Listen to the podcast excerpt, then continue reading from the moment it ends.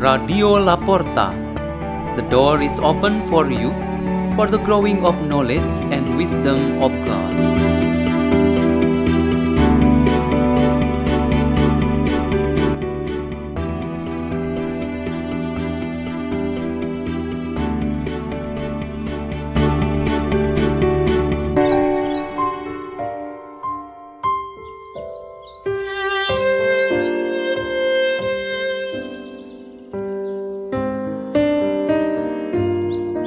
Reading and meditation on the Word of God on Thursday of the fourth week of Easter, May 12, 2022.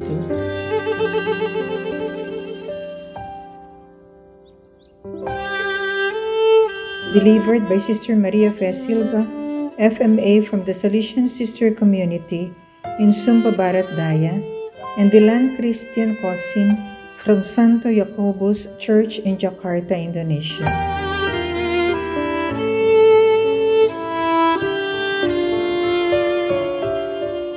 The reading is taken from the Holy Gospel according to John.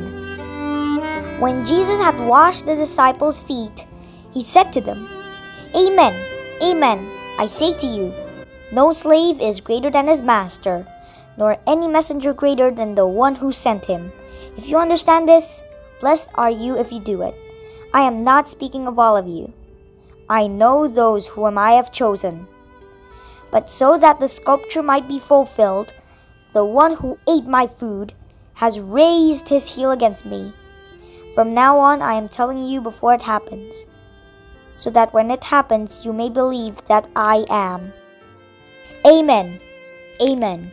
I say to you, whoever receives the one I sent receives me, and whoever receives me receives the one who sent me. The Gospel of the Lord.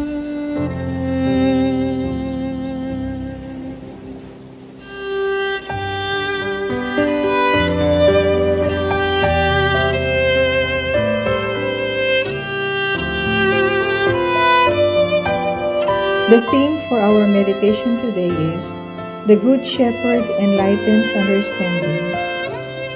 Our Good Shepherd, Jesus Christ, illuminates the world in our hearts with His Word. If the Word only reaches the human ears, the work of evangelization is still like a half ripe fruit. From hearing, we need to proceed to understanding. God continues to help us understand Him.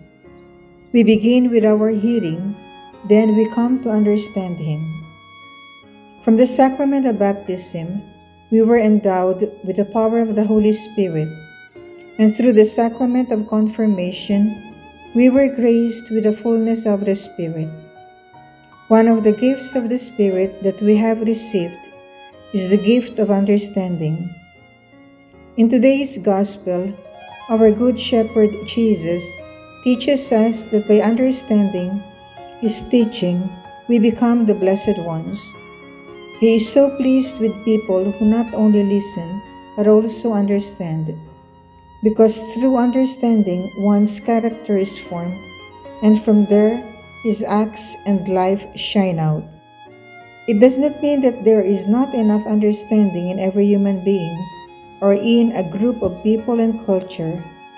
What is often a problem is that human understanding is limited and tends to vary in perceiving different things. Especially in the teachings of certain beliefs, the danger of lack of understanding and different interpretations often provoke conflicts and clashes between us. This had become the experience of St. Paul. He had experienced how Jesus made himself a new person. He thought and understanding changed from the old type of belief. Then it was his turn to enlighten the minds and understanding of those who knew nothing about Jesus Christ.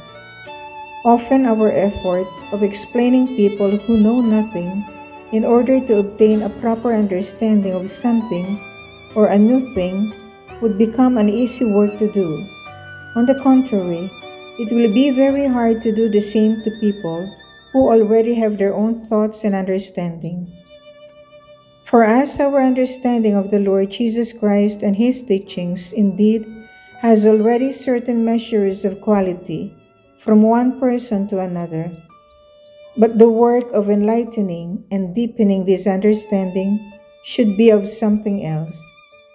Then, how to do with this matter? Maybe this simple suggestion can become a useful help. Students in school have to read one textbook 10 times to face the exam, rather than reading 10 books once to do the exam. So it would be the same thing. We have to meet and learn from Jesus over and over again and again. It is ineffective if only occasionally or rarely. Let's pray. In the name of the Father, and of the Son, and of the Holy Spirit, Amen. Our good Lord, we thank you abundantly for your Son, Jesus Christ, our Good Shepherd. He enlightens and refreshes our understanding to know Himself and you as the one who sent Him. May we always eager to understand you through every moment of our lives. Glory be to the Father, and to the Son, and to the Holy Spirit, as it was in the beginning, is now, and ever shall be, world without end. Amen. In the name of the Father, and of the Son, and of the Holy Spirit. Amen. Radio La Porta. The door is open for you.